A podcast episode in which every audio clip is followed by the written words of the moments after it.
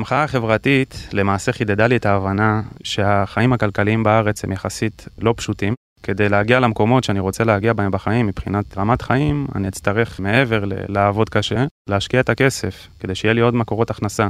ככה למעשה הגעתי לנדל"ן. היי, שלום לכם, אני גיא ליברמן, עורך הנדל"ן של גלובס, ואתם מאזינים לפרק ה-11 של הפודקאסט כסף בקיר. סיפורים על אנשים שהחליטו לשים את הכסף שלהם על נדל"ן. היום אנחנו עם אדיר יונסי. הוא בן 28, עוסק בייעוץ פיננסי, והיום הוא לוקח אותנו למסע שכולו השקעות נדל"ן, מבת ים ועד קריית שמונה. מסע שמתחיל בקיץ 2011 בזעם הציבורי של המחאה החברתית. היי דפני ליף, אם את שומעת אותנו, תדעי שאת והחברים שלך שיניתם להדיר את החיים. כסף בקיר 11, בואו נתחיל. הרומן שלי עם נדל"ן התחיל למעשה ב-2015, לפני ארבע שנים, הייתי בן 24. אני השתחררתי בזמן המחאה על הדיור, שדיור קשה לקנות בישראל, ואני השתחררתי ב-2012, ואני מבין, אם אני חוסך חלק מהמשכורת שאני חי ממנה, אז uh, להגיע להון עצמי שהוא לדירה שאני רוצה לחיות בה, ייקח לי עד גיל 35 או 40, ומחיסכון כנראה שזה לא יקרה, ואני צריך למצוא איזושהי אלטרנטיבה אחרת. הראש מתחיל לעבוד כבר משנת 2012 על נדל"ן, על כסף, אה, בודק קצת אלטרנטיבות, מבין שבשוק ההון קצת יהיה לי קשה, ואז אני מבין שבנדל"ן יש למעשה כלי שנקרא מינוף.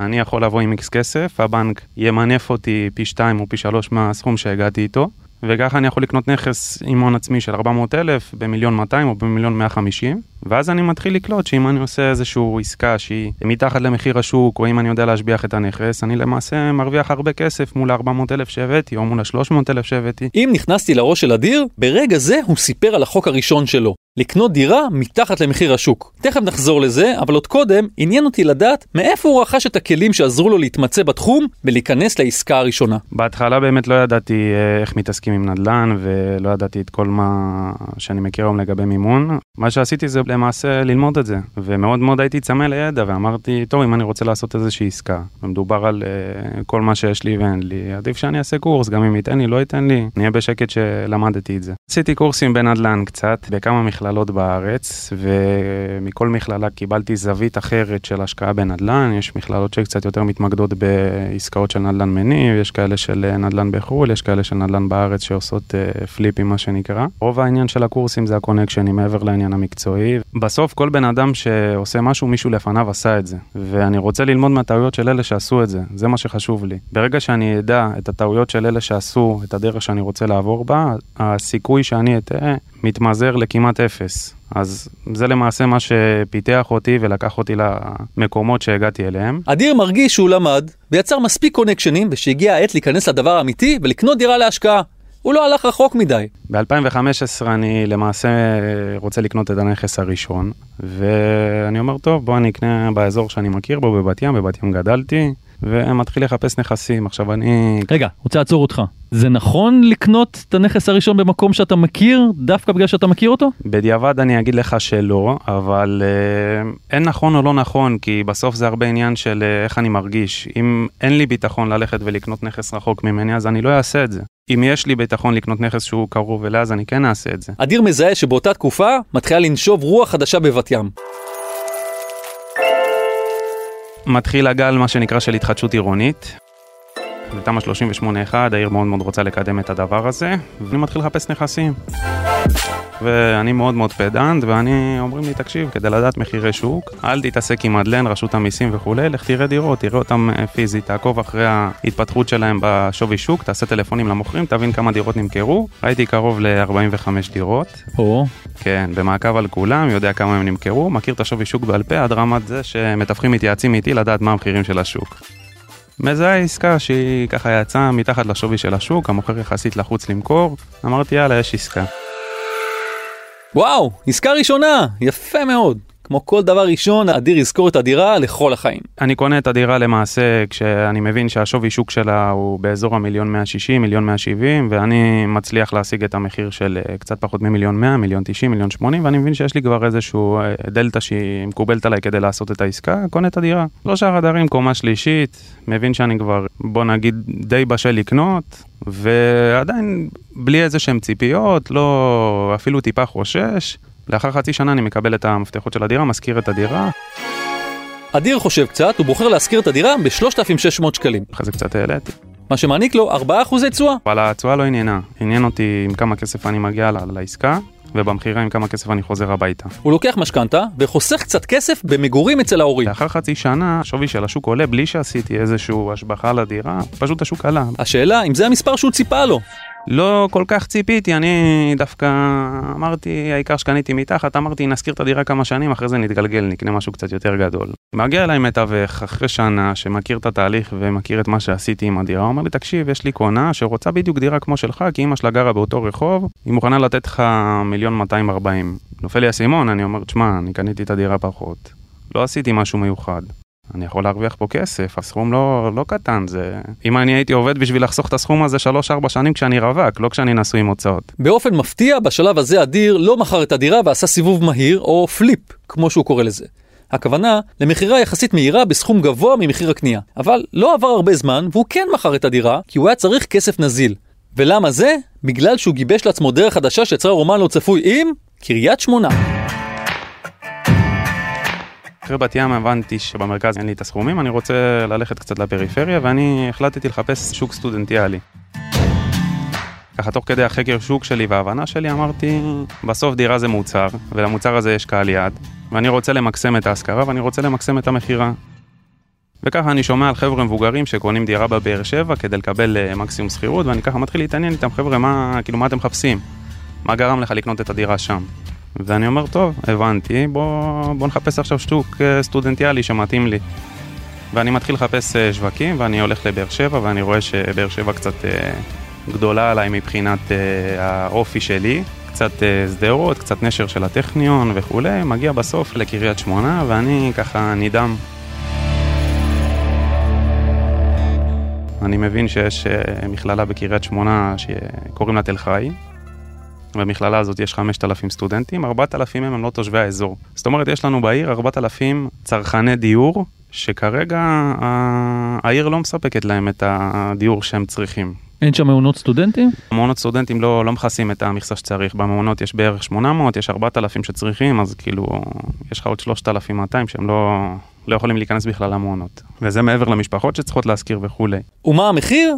אנחנו יודעים שיש בפריפריה מחירים זולים, אבל לפעמים עד שלא פוגשים את זה בעין ממש אתה מתקשה להאמין.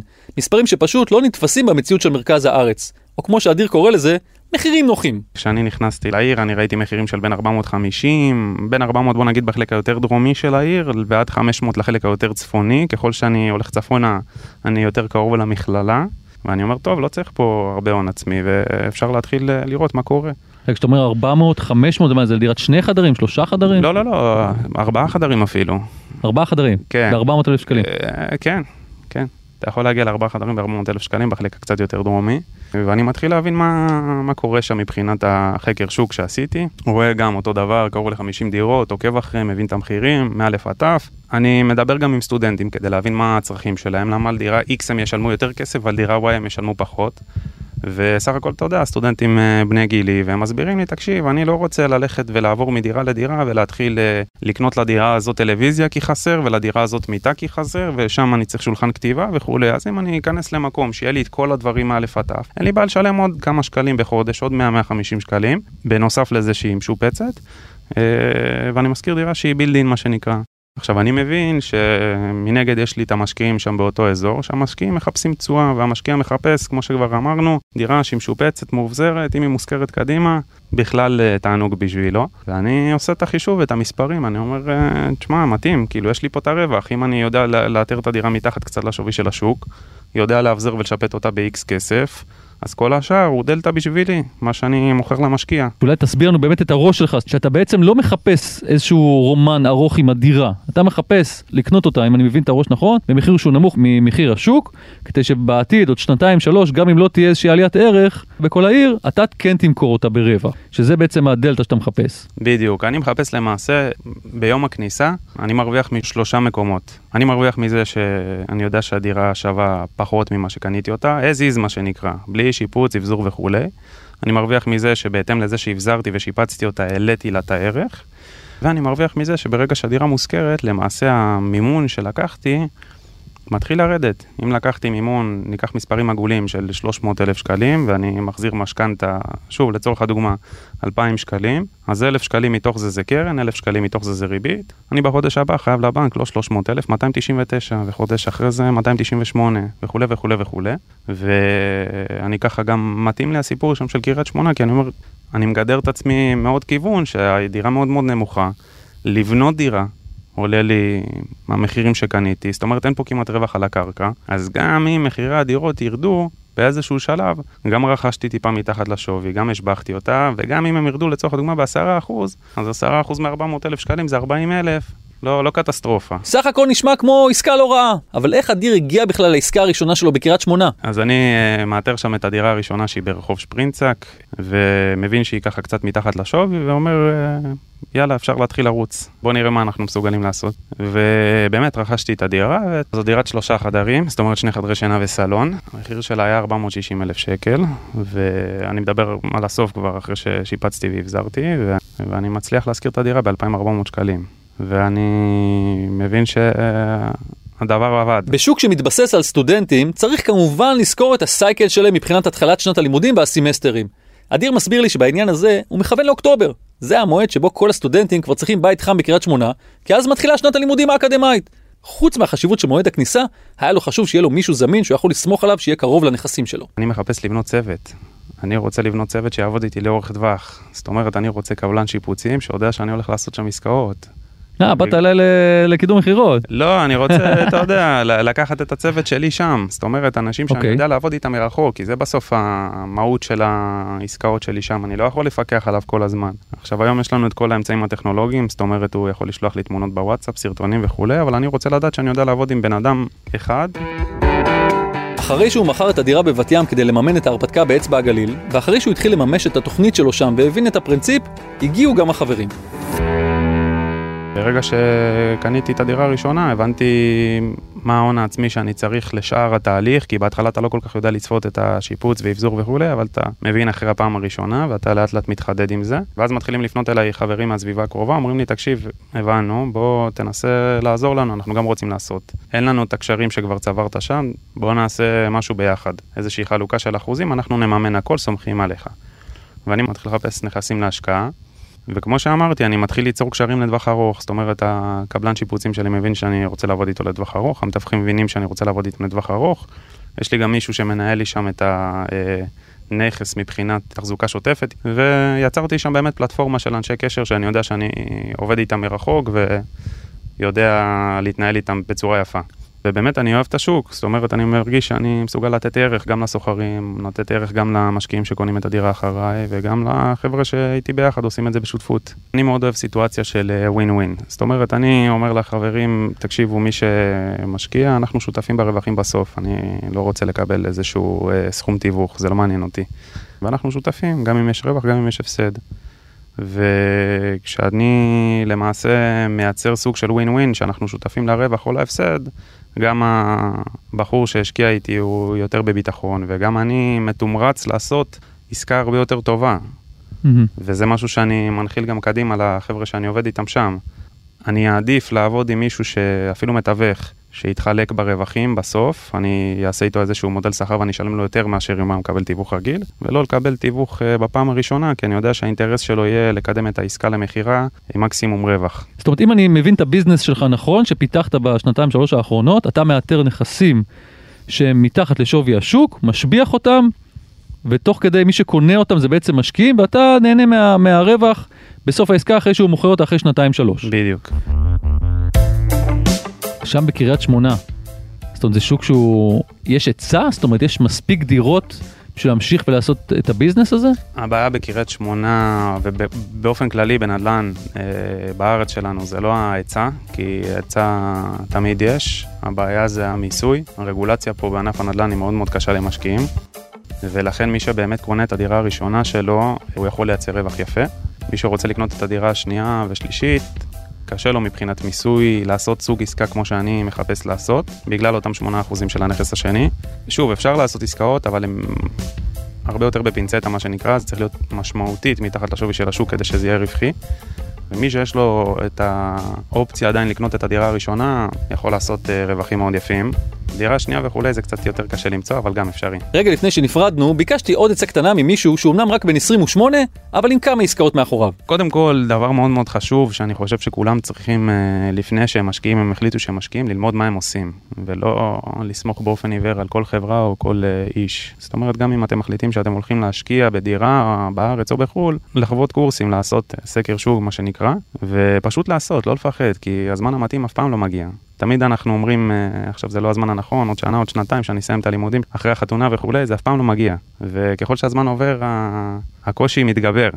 אז אה, עכשיו זה הזמן הכי טוב להתחיל. נשמע אחלה טיפ מאדיר, שמאז שהקלטנו את הפודקאסט, הספיק להפוך לאבא לבת. נאחל מכאן מזל טוב מאיתנו למשפחה הצעירה. פה אנחנו גם נפרדים ממנו ומקדמים בברכה את אריק מירובסקי, פרשן הנדל"ן הבכיר של גלובס. היי גיא. היי מירובסקי, חתיכת מסע עשה הבחור, בת ים, קריית שמונה, מה חשבת על ההשקעות שלו? קודם כל המסע הזה הוא מסע נכון, זאת אומרת אם אה, משקיע בא, בודק את השטח ומחליט שכדאי לו לעבור מבת ים לבאר שבע או לקריית שמונה ויש לו את כל התנאים הנדרשים, בסדר, זה השקעה, הוא לא קונה את זה למגורים. תגיד, אולי נצא שנייה מהסיפור האישי של אדיר, בוא נדבר רגע על שווקים של סטודנטים, בזה הוא מתמקד, מה אתה חושב על זה? אתה זוכר את הסיפור עם אריאנה ואלון? שהתארחו בפרק התשיעי שלנו. בדיוק. הם סיפרו לנו על זה שהם קנו דירה בבאר שבע, ורק לאחר שהם קנו התברר להם שהשוק מוצף בדירות להשכרה, באו אליהם סטודנטים ודרשו שיהיה מיזוג אוויר בדירה, שיהיה טלוויזיה ויהיו ריהוטים, וזה כמובן הם נאלצו לקנות את זה וכמובן זה קיצץ להם בתשואה. אני זוכר, הפתיע אותם. משהו שהם לא חשבו עליו. בדיוק. אצל אדיר אנחנו רואים שהוא כן חשב על זה, ועוד לפני שהוא קנה את הדירה בקריית שמונה, הוא uh, בא אל הסטודנטים ושאל אותם, חברים, מה אתם מצפים? מה אתם רוצים? מה הייתם, מה אני צריך לעשות כדי שתזכרו ממני את הדירה? ואז הוא יכול היה לעשות מראש את החישובים על איזה הוצאות הוא מוכן לתת על הדירה. זאת אומרת, בא הרבה יותר מוכן. בדיוק, הוא בא מוכן. אתה זוכר, יש לו גם uh, אנשים מטעמו שם. זה רחוק, הוא לא צריך לנסוע על כל תיקון בוילר אה, לקריית שמונה, זה באמת סיפור, הוא בא מאוד מאורגן, אני בגלל, מאוד אהבתי את זה. עוד שאלה פה שאני רוצה לשאול אותך, הוא בעצם כורך את החיסכון הכלכלי שלו עם הסטודנטים, עם תחום האקדמיה. זה נכון לעשות את זה? השוק הזה הוא מספיק גדול ויציב בשביל שזה יהיה העתיד הפיננסי שלי? לא בהכרח. תאר לך שאתה נמצא באיזשהו מקום עם uh, אקדמיה ולפתע uh, בונים uh, מעונות סטודנטים. לפתע כל המציאות שלך משתנה.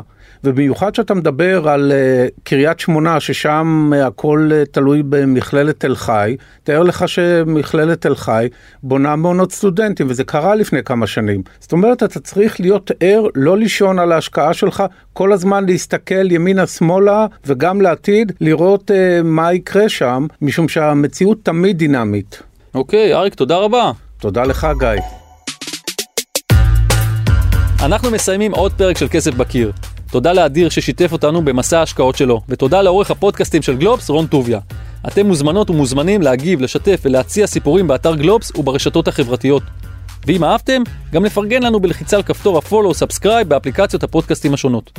וכמובן, אל תשכחו לדרג אותנו באפל פודקאסט. לפני שניפרד, אני רוצה להמליץ לכם על הצוללת. פודקאסט של גלובס שבו אנחנו לוקחים סיפורים ויורדים איתם ממש לעומקם.